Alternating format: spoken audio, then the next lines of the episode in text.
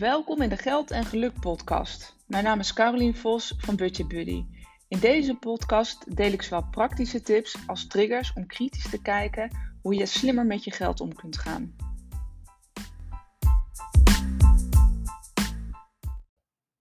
Yes, leuk dat je weer luistert naar een nieuwe aflevering van de Geld en Geluk podcast.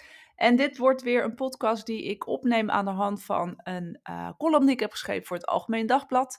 En ik mag me, nou, trotse eigenaar, ik weet niet of ik dat moet zo, nou ja, whatever. Ik ben heel dankbaar dat ik een vaste plek heb gekregen in, uh, in het Algemeen Dagblad, waar ik eerst, um, nou ja, op, op um, uh, vaak in de zomer schreef ik columns of af en toe eens een column. Maar ik heb dus nu echt een vaste plek gekregen als columnist. Dus dat, zo kan ik mezelf dus ook, uh, die titel heb ik, uh, die heb ik zowaar gekregen. Nou, die draag ik met, met veel trots. Dus dat vind ik echt super tof. En waarom vind ik het tof? Omdat ik daar nou, een stukje praktijkverhalen ook kan delen. En ik probeer daar ook altijd wel wat tips en advies in te geven. Hè, wat, wat, wat ik in ieder geval bij, bij de mensen heb, heb gedaan. Of wat we gedaan hebben om de situatie te verbeteren. Dus ik vind dat heel tof om ook te delen, om breder te delen. Dus ik vind het podium van een krant ja, echt, uh, echt heel mooi. Het enige jammere is, is dat het premium artikelen zijn. Dus maandag komt hij één keer in de twee weken in de economie, dat stukje. zowel digitaal als de fysieke krant. En op dinsdag komt hij altijd online, um, nou, voor iedereen eigenlijk beschikbaar. Alleen zit hij dus achter een betaalde muur. Oftewel, je moet dus geabonneerd zijn om die artikelen te lezen. En dat vind ik eigenlijk super zonde. En dat is waarom ik hem ook in deze podcast deel. Dus misschien heb je al meerdere podcastafleveringen van mij geluisterd. Dan weet je een beetje hoe het werkt. Uh, op het moment dat je dat niet hebt, uh, no worries, ik ga je gewoon doorheen praten. Um, dus wat ik doe is het stuk eigenlijk voorlezen uit eigen werk. En ik zal even wat, wat extra uh, nou ja, achtergrondinformatie daarin geven op het moment dat je denkt, of dat ik denk, hé, hey, dat is misschien even wat handig. Of ik geef wat uitgebreider tips en advies. Dus eigenlijk krijg je gewoon nog meer waarde dan, dan alleen het artikel wat ik, wat ik schrijf. Oké, dus ik ga gewoon even voorlezen uit eigen werk.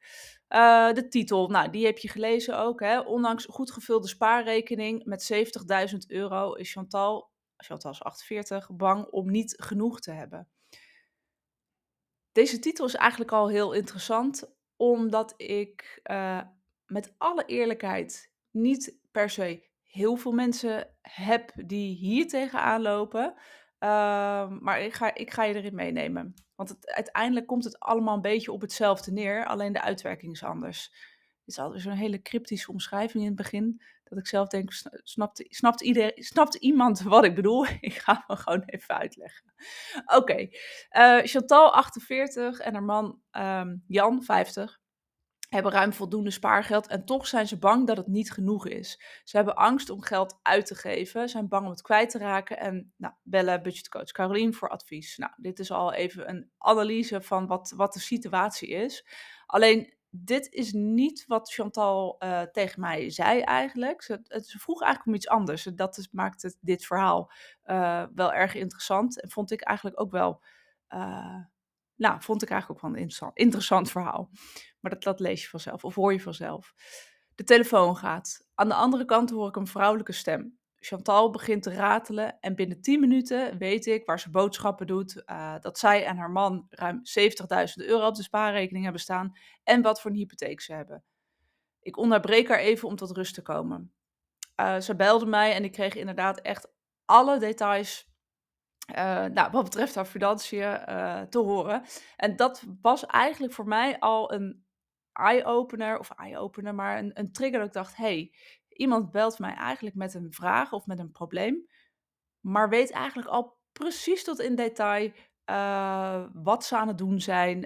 Eigenlijk heel erg in control um, wat, betreft hun, um, wat betreft hun geld en geldzaken. Dus ik, ja, dat, dat triggerde mij eigenlijk al. Ik dacht, hé, hey, maar hoezo belt iemand mij eigenlijk? Hè? Dit is even mijn, mijn observatie was dit. en wat kan ik dan eigenlijk doen? Oké, dus ik heb haar in het gesprek inderdaad eventjes tot rust laten komen. Even, nou, weet je, even relaxed. Wat is nou eigenlijk precies het probleem? Wat is hier nou eigenlijk aan de hand? En wat kan ik eventueel doen om jou te helpen? Oké, dus als ik het goed begrijp, ben je bang dat jullie niet genoeg sparen, vraag ik haar. Dat was eigenlijk haar grootste angst, hè? Want ja, weet je, we sparen niet voldoende. Ehm, de inkomsten van Chantal en haar man zijn zo'n 5000 euro per maand, waarvan ze zo'n 40% sparen. Nou, ik weet niet hoe het met jou zit, maar 40% sparen is. ehm, het kan, hè? Het is echt, dit heb ik wel vaker voorbij zien komen. Dus het kan, het kan echt. Ehm, maar het is wel een behoorlijk, nou, een behoorlijk eh, aandeel, zeg maar, in je, hoe heet dat? In je financiële plaatje. En moet ik er wel bij zeggen, kijk, dit, dit is ook een column altijd van een paar regeltjes. Dus natuurlijk, weet je, 40% eh, is natuurlijk fantastisch, is goed. Is, ehm, ja, dus, dus lees ook even dit advies even door de ogen van hun situatie. en wat mijn advies, advies daarin is. Ik zit even te denken, toen ik zelf, ehm, ja, dat is even een ander sprongetje hoor, maar toen ik zelf begon met werken, toen, nou, ik, ik studeerde, ik, ik woonde op kamers. Toen ben ik bewust, toen ik, weer, toen ik ging werken, ben ik bewust weer even thuis gaan wonen bij mijn ouders. Om heel veel te sparen, zodat we een huis konden kopen. Nou, dan was mijn, mijn spaarpercentage was, eh, geen 40, maar misschien wel 80 procent. Heel extreem. Uh, maar dat kwam ook omdat ik nou, weinig tot geen vaste lasten had. Uh, nou, ik kon gewoon thuis aanschuiven, dat soort dingen. Hè, dus dus zo'n percentage, kijk ook heel even naar wat is jouw situatie, wat zijn je doelen en hoe, uh, hoe verhoudt zich dat tot elkaar. En alles is prima. Dat was voor mij toen de tijd een hele bewuste keuze. Dus kijk even naar waar waar jij je nu bevindt en wat dan voor jou daarin handig is. Um, dit geeft dus eigenlijk ook al meteen aan, nou dat zeg ik eigenlijk, nou dat zeg ik eigenlijk later. Het geeft eigenlijk ook meteen aan dat ik, een, dat ik geen budgetcoach ben die uh, jou adviseert om zoveel mogelijk op te potten en te sparen. Want in dit geval heb ik haar echt een ander advies gegeven. Uh, en die, um, nou, dat, dat, dat, um, ja, die verwarring wordt wel eens gemaakt. Hè? Want ook als ik vrienden spreek of nou, als ik ergens ben van, oh ja, weet je wel, uh, het zal bij jullie thuis wel heel streng zijn en uh, nou ja, weet je wel, dat jullie niks uitgeven. Absoluut niet. Dus mijn spaar, spaarpercentage is dus ook geen 40%. is misschien slecht nieuws, maar uh, ik geloof heel erg in dat je en kunt sparen, maar dat het ook heel belangrijk is om gewoon lekker te genieten nu.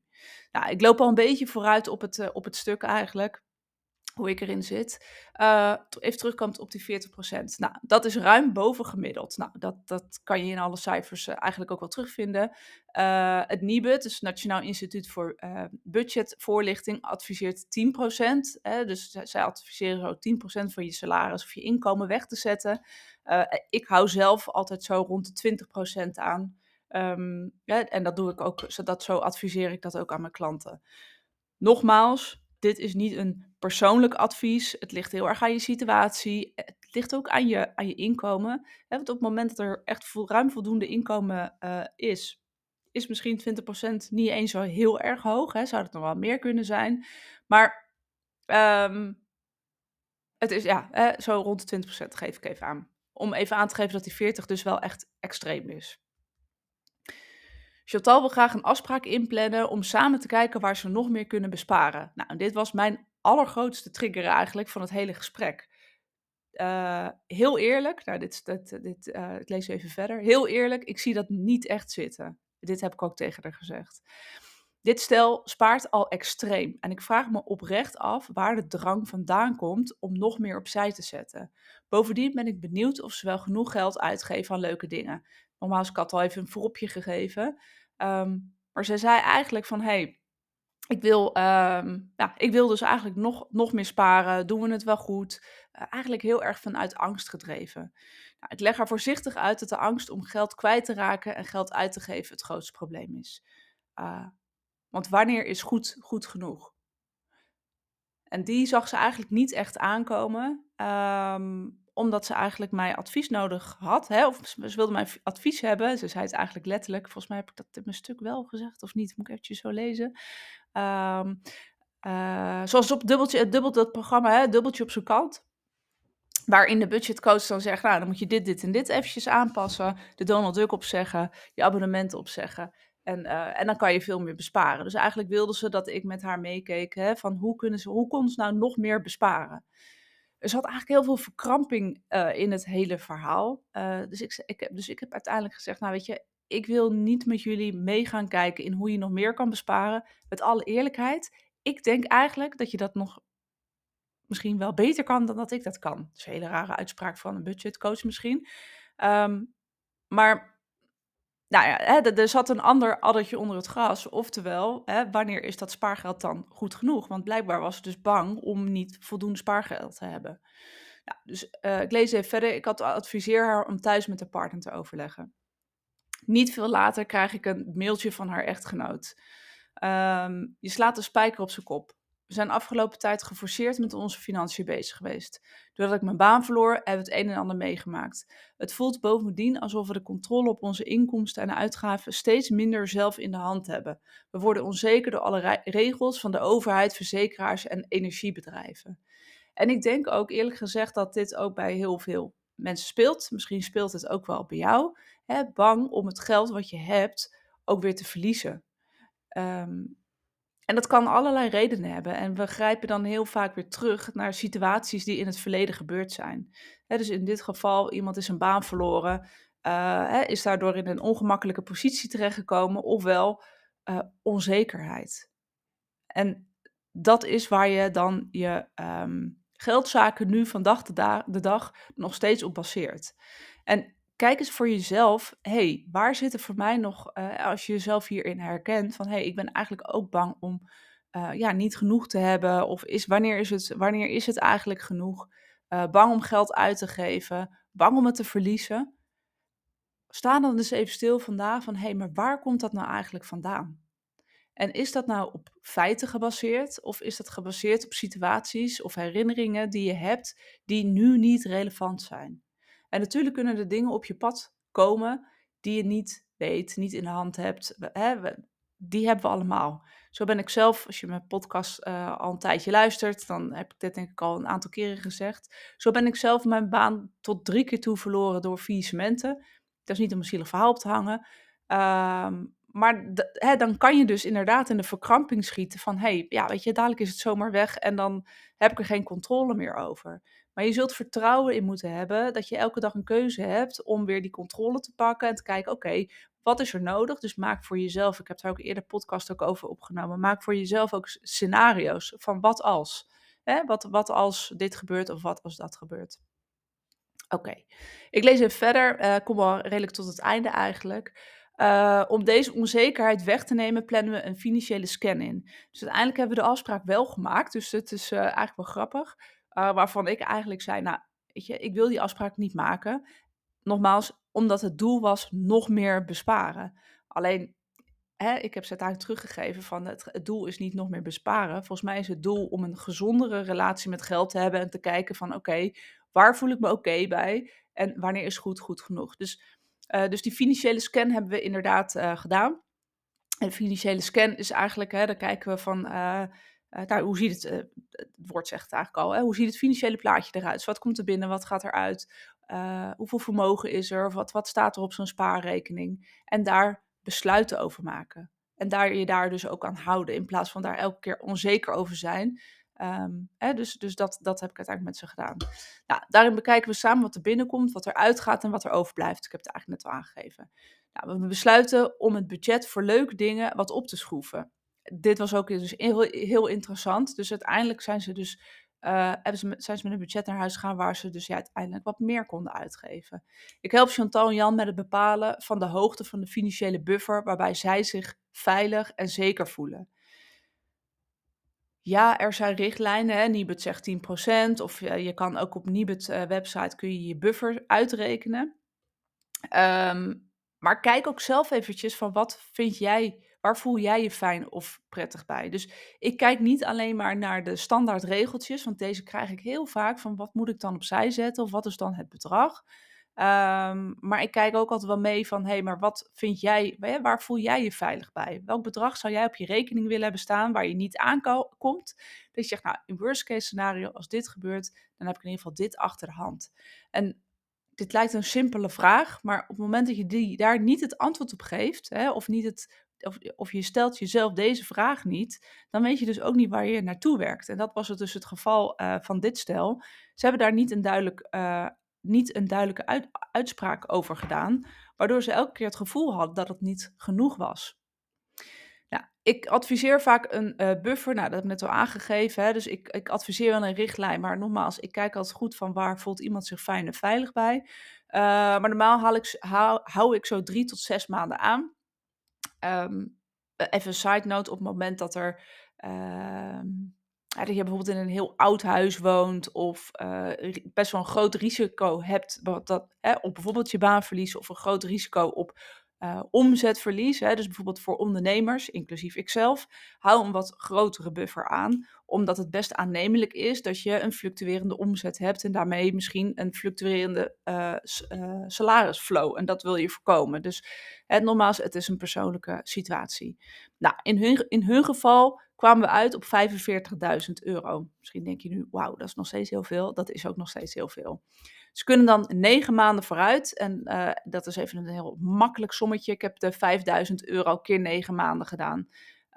Um, hè, vooruit wanneer de inkomens volledig weg zouden vallen. En heel eerlijk, hè, als je even hebt uh, op zitten letten, is, is dit nog steeds eigenlijk, dit is eigenlijk nog meer dan negen maanden, omdat hun uitgavenpatroon niet op 100% zat. Maar dit is misschien een beetje een moeilijk sommetje voor in de podcast. maar even van die 5000 euro spaarden ze al 40%. Dus uh, nou, dat werd er wel wat minder, omdat we dat budget voor leuke dingen wat hadden opgehoogd. Hè, maar dus, dus ze konden eigenlijk in theorie eigenlijk nog even wat langer vooruit dan wat hier nu staat. Uh, er blijft er nog een mooi bedrag over voor andere mooie doelen, zoals een verbouwing, vakantie met het gezin deze zomer. Ofwel, eigenlijk, ik heb dus niet met ze meegekeken hoe kan je zoveel mogelijk besparen, maar uh, we hebben samen een besluit genomen. Oké, hoe ziet het plaatje eruit? Wat is er eigenlijk allemaal mogelijk? Uh, ze durfde eigenlijk niet eens zo, toen we nog een keer door de cijfers heen gingen, uh, toe te geven dat ze zoveel spaarden. Ja, jullie sparen echt al extreem. Dus dit groeit ook extreem aan elk jaar op het moment dat dit zo door blijft gaan. En nogmaals, het is helemaal goed. Maar misschien is het ook leuk om na te denken over andere mooie doelen. Nou, die, dat lijstje die kwam eigenlijk ook binnen no time op tafel. Um, en was er dus uiteindelijk ruimte niet zozeer voor dus de besparingen, maar was er dus eigenlijk ruimte gecreëerd om juist te genieten, ook leuke dingen te doen, geld uit te geven. Um, en dan zie je dus dat, dat geld, uh, of geld zorgen, of onrustig zijn over geld, dat is wat ik met dit stuk ook nog een keer wil benadrukken. Uh, we denken altijd dat het gaat over ja, wanneer iemand niet genoeg heeft of de maand niet haalt, dat je dan geldzorgen hebt. Maar in dit geval zie je dus, hè, even als buitenstaander, als je vanuit je ratio denkt, denk je ja, die mensen hoeven zich toch niet druk te maken. Hoezo bellen ze een budgetcoach voor hulp? Omdat het dus niet over cijfers gaat, maar over angst die daarachter achter zit. En de angst om hè, dus inderdaad geld uit te geven. Angst om geld te verliezen. Dus er zitten heel veel andere overtuigingen achter het woordje geld of hoe je met geld omgaat. Dan alleen maar het saldo van een spaarrekening of een of een bankrekening. Um, hè, dus dit is even wat ik, uh, waar ik je in wilde meenemen. Uh, ik zal nog wel even de link delen in de, in de notes. Um, mocht je wel geabonneerd zijn, kan je hem nog eens teruglezen. Uh, maar dit is eigenlijk, ik heb hem al uit eigen werk voorgelezen. Dus uh, ja, doe je voordeel mee. Haal de tips eruit die voor jou van toepassing zijn. En ik hoop dat je hier wat aan had. Uh, op het moment dat je denkt, hey, ik, uh, ik heb hier nog een vraag over. Of, ehm, nou ja, weet je, je hebt, ja, je hebt hier nog een vraag over. Of je zou nog een ander onderwerp in de podcast behandeld willen hebben die ik, eh, die ik voor je kan beantwoorden. Uh, stuur me gewoon even een berichtje op Instagram of stuur me gewoon even een berichtje op mijn uh, mail. Dus carolien.budgetbuddy.nl. En wie weet neem ik dan je vraag mee in de volgende podcast. Hoi hoi!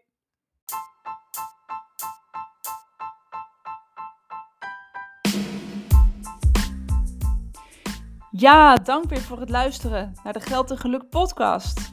En ik zou het heel tof vinden als je me een 5 sterren review zou willen geven op het moment dat je op Spotify luistert, kan je dat doen door de, bij de drie puntjes de vijf sterretjes aan te klikken.